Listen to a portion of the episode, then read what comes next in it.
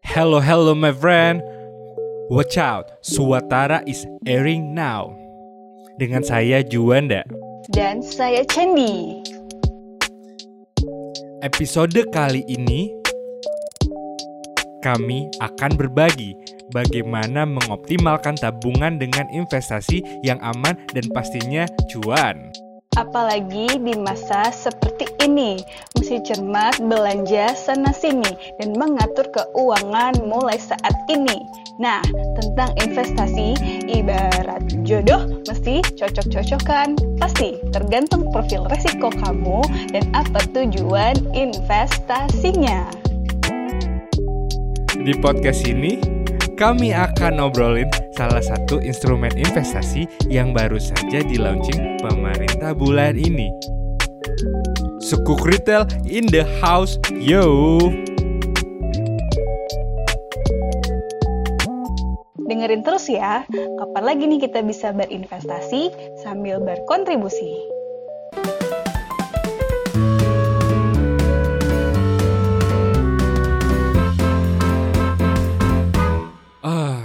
Ternyata nih mempersiapkan pernikahan sederhana tuh budgetnya tidak sederhana sesederhana itu ya. Kayak aku menyesal deh kenapa dari kemarin-kemarin tuh eh, tidak mencoba untuk eh, menabung lebih banyak dan berinvestasi lebih banyak.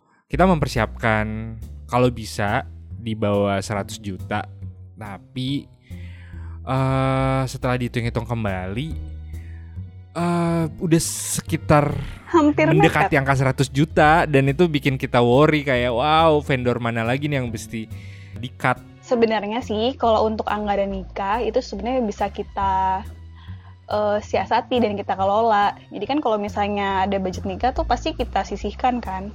Nah daripada ngendep Mhm. di tabungan aja, ya mungkin kita taruh aja tuh kan dananya idle, bisa kita taruh aja di instrumen investasi. Jadi dia akan eh, menghasilkan dana idle tuh bisa jadi ada hasilnya dan bisa menjadi tambahan juga buat eh, dana nikah kita gitu.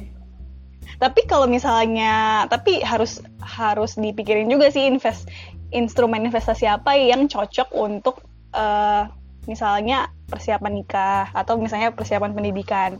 Karena kalau misalnya ini buat persiapan nikah, terus kita taruh di saham, terus tiba-tiba pandemi, terus turun semua, wah jadi hilang tuh duit kita. Jadi Iya, menurut jadi aku nih perlu loss. Heeh, jadi perlu perlu disiasatin tergantung dengan profil resiko dari masing-masing orang dan juga tujuan investasinya gitu. Kalau misalnya buat nikah sih menurutku atau kayak pendidikan yang kita udah udah bisa targetin ya kayak eh, kapan gitu, eh, udah ada timelinenya gitu.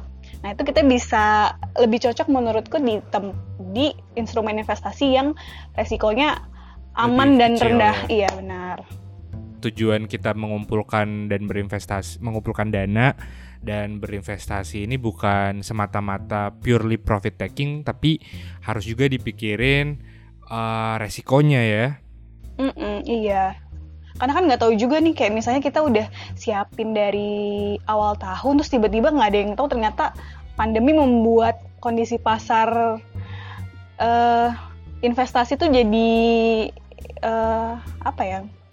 Jadi nggak pasti gitu kan. Ada yang tiba-tiba rugi banget. Hmm, berarti kalau misalnya cuma dimasukin ke tabungan itu nggak worth it banget karena tabungan kan eh, bunga per tahunnya cuma sekitar satu persen udah terus dipotong pajak dan biaya administrasi sana sini jadi beratnya tuh kita nabung dan tergerus dengan biaya-biaya administrasi apalagi belum lagi inflasi jadi nggak nggak nggak terlalu efektif kalau cuma nabung kamu kemarin sempat masukin invest eh, duit tabungan kita ke mana tuh deposito ya Iya, heeh, kayak deposito. Nah, Jadi kayak- lebih menurut kamu lebih aman kalau deposito.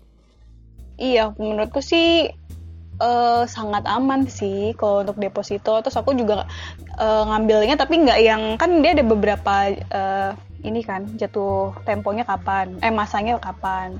Nah, aku ambil yang paling paling singkat kayak misalnya sebulan. Jadi kalau misalnya ada butuh bisa langsung dicairin gitu. Sedangkan kalau misalnya enam bulan atau 12 atau di atas di atas enam bulan gitulah, itu takutnya kan kayak eh, belum bisa diambil jadi aku ambilnya yang sebulan-sebulan gitu tapi tetap dapat Oh, gitu. return lumayan sih Tapi ini eh, Chen kalau misalnya kita nikah tiga tahun lagi dari sekarang ya, eh kayaknya kalau bisa mengulang kembali waktu. eh aku nih baca-baca nih eh, lagi rame juga di internet ada yang namanya sukuk retail. Nah, sukuk retail itu kulihat sih dari segi eh, imbal jasa atau nilai bunga per tahunnya itu lebih gede daripada hmm, deposito. Jadi sekarang tuh ada yang namanya ST SR013 uh, sukuk sukuk retail itu dia baru uh, launching kemarin kan Iya, itu baru baru aja di launching 28. bener. Kemarin Agustus. 28 Agustus. Itu bunganya 6,05 persen. Fix rate ya itu ya? Heeh, fixed rate. Oke. Tapi sebenarnya itu aman gak sih kalau misalnya kita uh, menaruh biaya misalnya kalau kita misalnya akan nikah tiga tahun lagi menaruh biaya nikah kita di situ kita jadi nikah nggak sih tiga tahun lagi takutnya duitnya habis karena pandemi atau ekonomi resesi itu aman gak sih Sebenarnya kalau dari SB, nah si suku retail ini kan termasuk di SBN kan, surat Ha-ha. berharga negara. Di mana kalau surat berharga negara itu dia dijamin oleh negara atau dijamin 100% untuk pembayaran imbal hasil dan pokoknya oleh undang-undang. Nah, jadi ini Hmm. tuh sangat-sangat aman dibandingkan produk investasi yang sebelumnya kita eh, taruh nih uangnya. Maksudnya dibandingkan deposito, harusnya si SBN atau si sukuk retail ini lebih aman.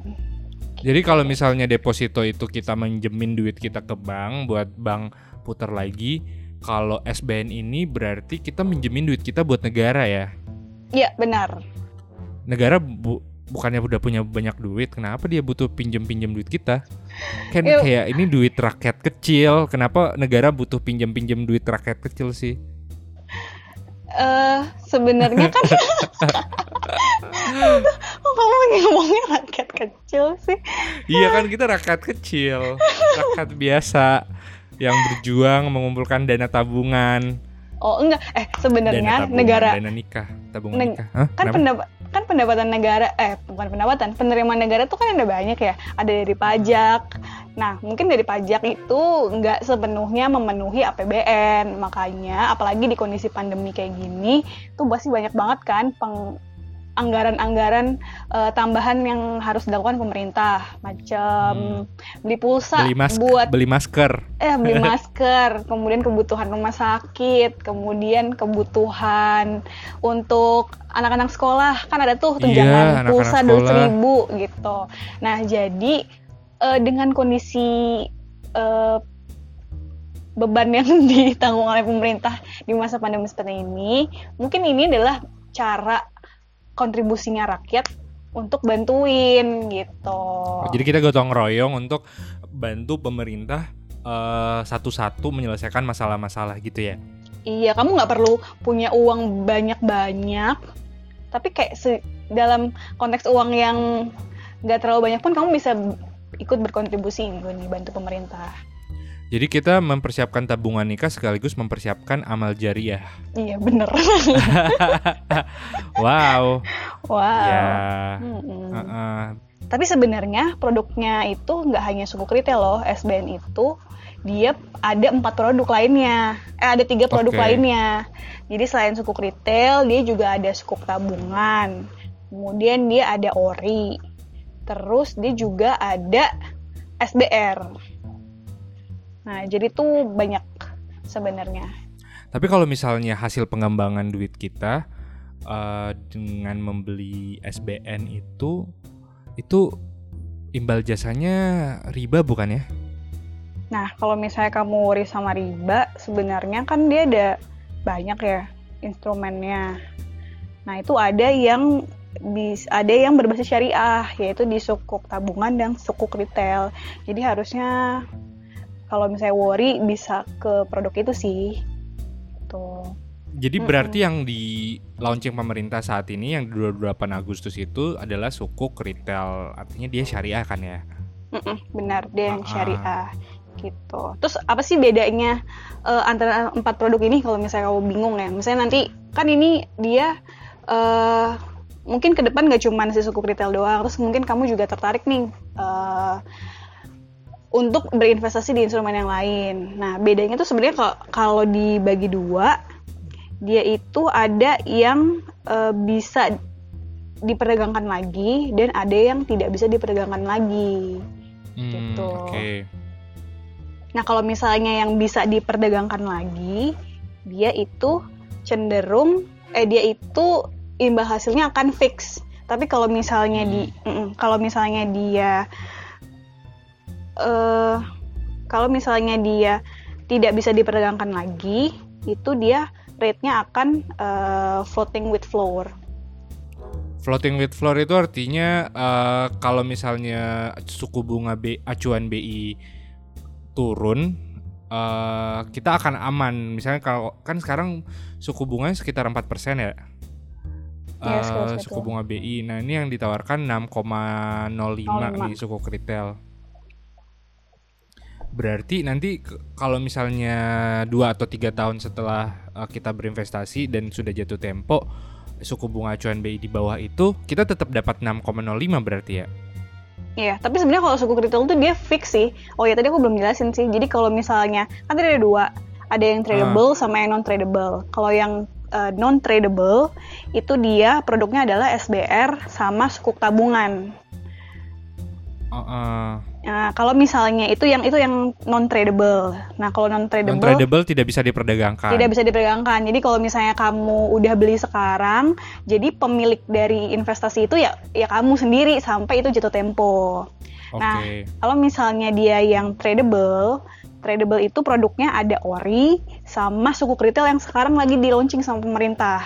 Nah, masuknya oh, maksudnya okay. tradable. Mm -mm, jadi kalau misalnya aku beli ini misalnya suku retail saat ini, terus abis itu tiba-tiba kan dia uh, jatuh temponya masih tiga tahun lagi terus tiba-tiba di tengah-tengah aduh bu nih gue butuh duit kayaknya nah terus kepikiran untuk mencairkan si suku retail ini Nah itu bisa kamu jual lagi ke uh, misalnya ke bank tempat kamu membeli gitu. Hmm, nah nanti berarti... di situ kamu bisa dapat capital gain. Jadi keuntungannya yang tradable tuh ada dua. Ada fixed rate yang tadi sama ada capital gain ketika kamu jual. Jual di harga uh, lebih tinggi. Tergantung, tergantung. Jadi bisa bisa capital gain, bisa capital loss tergantung dengan uh, harga pada saat kamu jual sebenarnya. Oh jadi ya, ya kalau BU mudah-mudahan uh, pas harganya lagi tinggi tingginya ya. Iya. Jadi, jadi selain BU lihat-lihat harga juga dulu. Jangan BU BU banget. Oh oke okay, gitu. Uh, uh, betul. Suku retail itu kita bisa beli di bank aja ya. Kemarin soalnya aku udah udah coba buka nih untuk rekening sub obligasi di bank?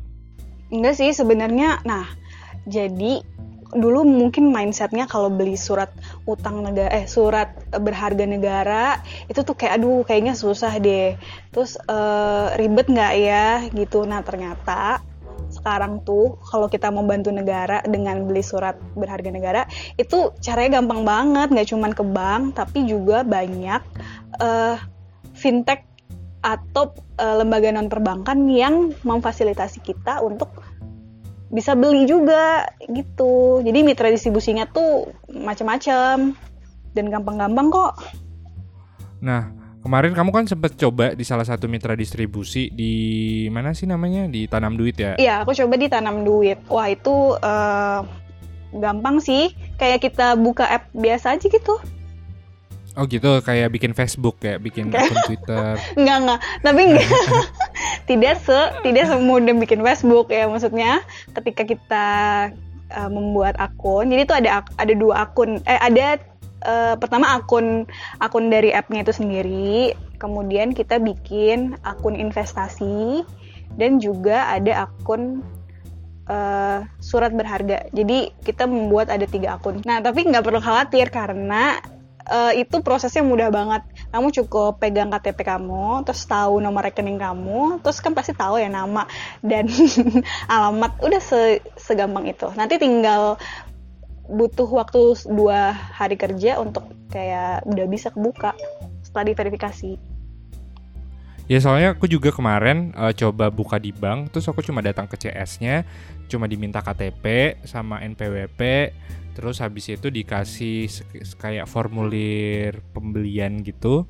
Uh, nanti di situ diisi tuh uh, nomor rekening kita, mesti tunggu sekitar satu kali 24 jam di hari kerja baru nanti rekeningnya rekening obligasinya terbentuk. Nah setelah rekening obligasinya terbentuk ya aku udah mau katanya udah bisa mulai beli-beli nah ya aku akan coba sih tapi sebenarnya berarti kalau misalnya di bank itu tuh harus ke CS dulu ya maksudnya kita harus ah. ke CS dulu terus habis itu kebuka rekeningnya baru uh, bisa beli via online gitu website eh yeah. banking gitu ya tapi sekali aja sih ke ke CS-nya di untuk di awal doang untuk setup rekening obligasinya doang.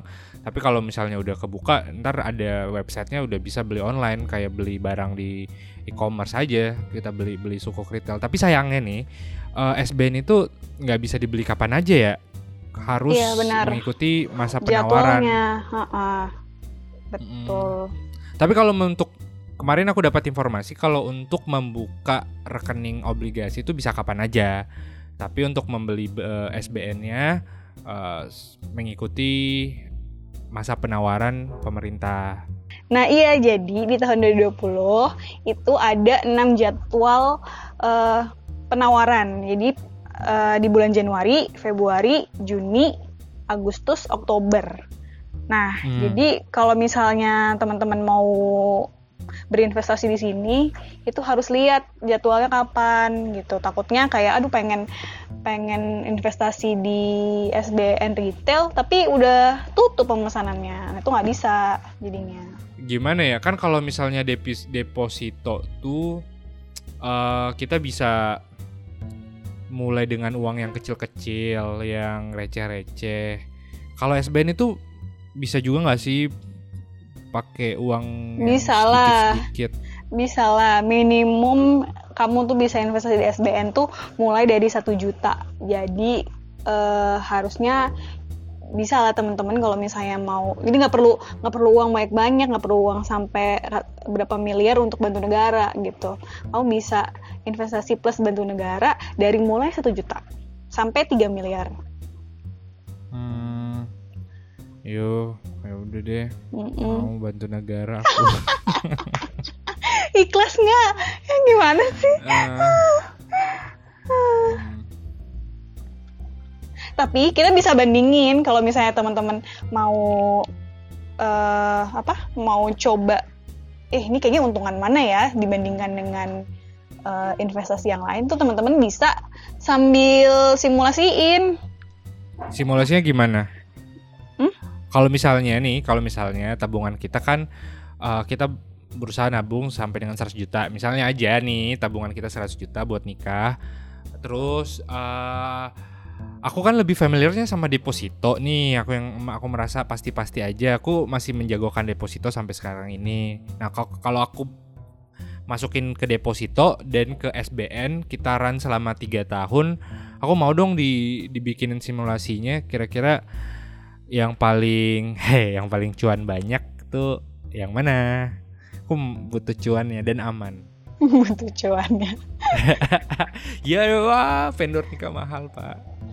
Nah jadi kalau misalnya nih aku udah aku udah coba-coba ngitung sih tadi. Yeah. kalau misalnya kamu nabung tadi uh, mau nikahnya tiga tahun lagi terus habis itu dana mm-hmm. dana yang dana patungannya misalnya sampai 100 juta mm-hmm. nah kalau misalnya asumsi deh rate uh, rate apa imbal hasilnya deposito imbal hasil ya deposito itu di sekitar 5,25 persen Oke. Okay. Uh, per Dan tahun. yang ini yang di, dijamin LPS cuma sampai 5,5 ya uh, teman-teman. Jadi kalau kamu ditawarin deposito di atas 5,5 itu mesti hati-hati. Uh, untuk sekarang ini ya mesti hati-hati. Iya. Karena uh, itu kemungkinan tidak di dijamin oleh lembaga penjamin simpanan. Mm-mm, jadi kalau misalnya ya tadi batas minimum lah jadi kalau eh batas maksimum lah misalnya 5,5 eh ya deh gini aja deh misalnya kita tadi kan yang dijamin LPS itu 5,5 berarti batas Ya, 5,5. batas batas amannya kita investasi deposito tuh di eh, deposito yang menawarkan imbal hasil 5,5 lah ya Ya, kalau Nah. ada di atas 5,5 itu eh, udah eh, warning, warning tuh. udah red flag Mm-mm. lah nah kalau misalnya kita ber- berinvestasi di deposito yang rate-nya 5,5 itu tiga tahun lagi bunga Mhm. yang kita dapat adalah 13 juta 200 ribu itu sudah dipotong pajak 20 Oh, kalau Nah. deposito pajaknya 20%. Mm-mm, benar gitu. Nah, tapi kalau misalnya kamu berinvestasi di suku retail yang rate-nya 6,05 6,05.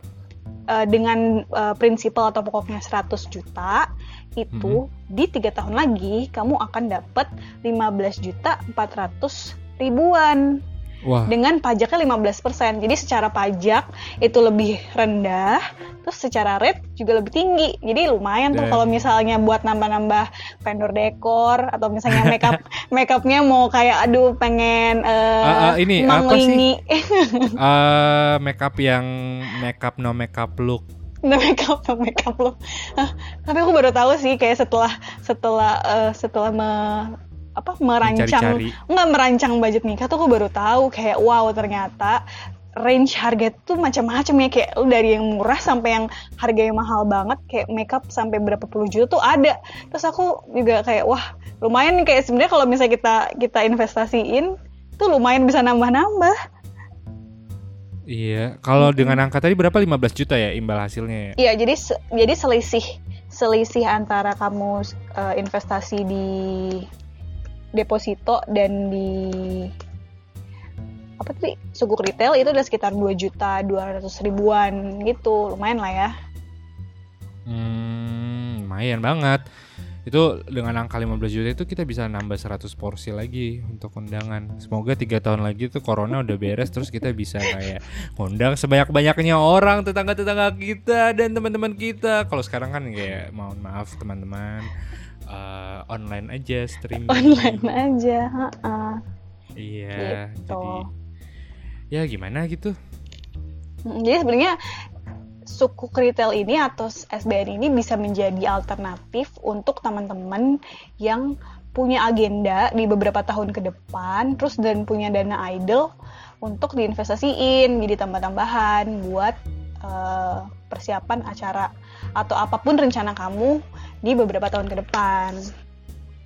Hmm, iya iya iya iya. Jadi kalau misalnya bisa aja kalau kalau kau nggak punya 100 juta sekarang mungkin baru kekumpul 50 juta ya udah 50 juta dulu nanti di penawaran SBN berikutnya aku masukin lagi 50 juta. Nah, itu uh, akan lebih cenderung lebih baik daripada deposito kan ya. Kalau misalnya kamu tadi uh, analisa Mm-mm, iya. Dan sebenarnya setiap setiap eh, investasi itu juga punya rate yang beda-beda gitu. Misalnya tadi kan ada yang floating, ada yang fix. Nah, bisa jadi mungkin nanti kalau misalnya dibuka investasi surat berharga negara yang floating, kamu justru bisa dapat nilai investasinya mungkin lebih dari si 6,05 tadi. Hmm, gitu. Kalau apalagi kalau suku retail ini bisa diperdagangkan ke pasar sekunder, uh, jadi kita bisa melihat uh, pasar kalau harganya lagi di atas itu uh, di atas 6 rate-nya di atas 6,05. Iya, di atas 6,05 ya. Baru kita jual, kita bakal dapat capital gain dong. Hmm, enggak sih. Bukan, jadi bukan bukan rate-nya, tapi price pokoknya. Oke. Kayak gimana sih price pokoknya? Eh, jadi misalnya, misalnya kamu eh, beli bel- beli aduh gimana ya? Jadi misalnya kamu beli suku retail terus dia di harga par di harga parnya. Nah berarti itu dia misalnya kamu beli sejuta eh kamu misalnya beli ya beli satu juta harganya juga sejuta. Tapi bisa jadi di periode di pasar sekunder itu harganya itu misalnya eh, tiga bulan lagi mungkin si suku retail ini harganya bukan suku retail ya karena suku retail itu dia tidak bisa eh dia trade benar dia tradable. Eh aku ulang ya kayak penjelasannya lanjut loncat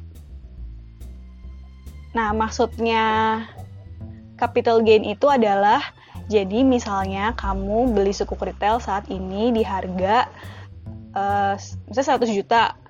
Terus kamu eh kamu beli 100 juta, kamu bayarnya juga 100 juta gitu. Hmm. Nah, tapi terus habis itu kamu mau jual nih misalnya setahun ke depan. Nah, kamu lihat harganya tuh berapa sih sukuk retail uh, di uh, tahun depan itu. Nah, misalnya ternyata harganya itu turun.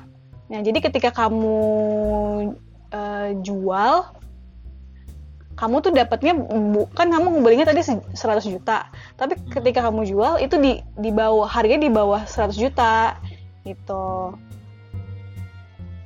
Nah itu jadi kamu capital loss. Tapi kalau misalnya harga jualnya itu di atas 100 juta nah kamu dapat capital gain gitu. Hmm. kalau misalnya kita tidak pengen di trade bisa juga kan berarti cuma nunggu fix rate-nya aja. Iya di uh, saat saat jatuh tempo. Mm -mm. jadi istilahnya nah, gini sih kalau kalau kurang kum kalau dia menawarkan fix rate dia itu bisa dijual. Jadi ketika dia nawarin fix rate dia ngasih tambahan keuntungan dengan ini bisa dijual lagi gitu Oke. Okay. Jadi ketika fix ada tambahan pendapatan dengan capital gain.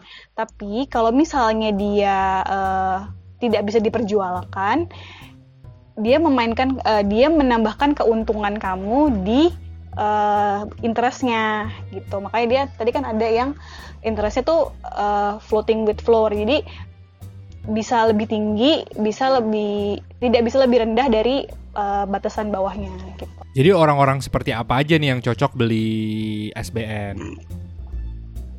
Menurut kamu? Orang yang cocok beli SBN itu menurutku adalah orang-orang yang punya profil resiko yang uh, konservatif.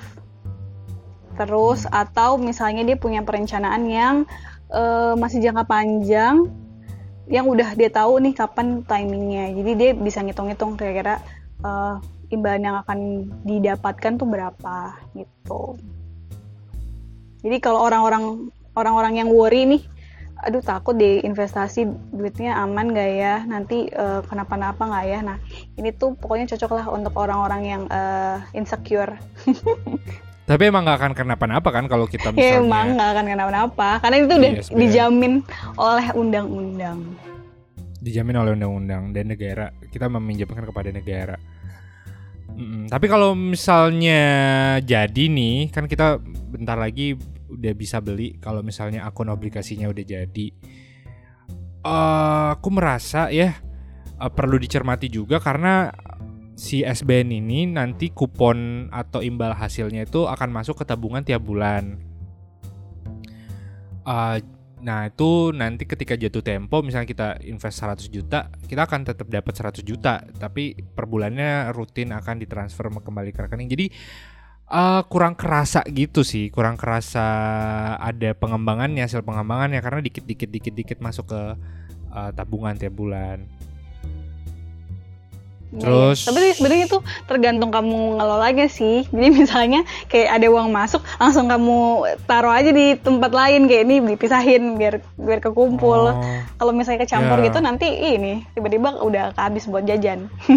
iya, aku malah buat, suka buat top up GoPay. kalau kecil kalau kecil-kecil kayak gitu tuh kayak dikit-dikit udah kayak nggak kerasa gitu. Jadi ya Iya, jadi perlu perlu dialokasiin setelah hmm. setelah ditransfer tuh tiap bulan mungkin langsung kamu slot ke apa namanya disisihkan lah gitu. Diamankan biar nggak campur. Cuma kalau dari segi uh, masa jatuh tempo dia uh, lebih panjang daripada deposito ya. Tapi aku lihat ada kalau misalnya yang yang tidak bisa diperdagangkan itu dia punya mekanisme early redemption. Kita bisa uh, redeem di awal setengahnya sebelum masa jatuh tempo. Dan kalau kalau yang bisa diperdagangkan ini ya kita tinggal lihat gimana pasar aja. Apakah ya bisa kita jual kembali biar untuk mendapatkan capital gain. Dan dan ini tuh adalah produk yang terbatas karena tidak bisa dibeli kapan saja. Jadi mumpung masih ada ya uh, mungkin perlu di teman-teman belajar lagi pelajarin lagi pros and cons-nya uh, terus memutuskan sebelum tanggal 23 September apakah mau membeli SBN atau enggak.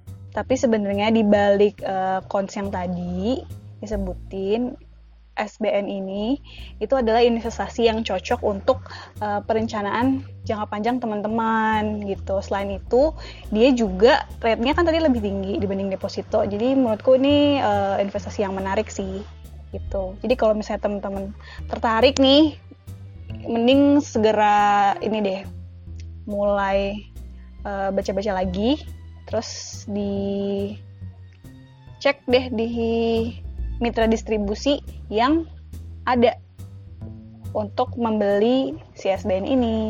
Bisa sampai tanggal 23 September. Minimal pemesanannya nanti 1 juta.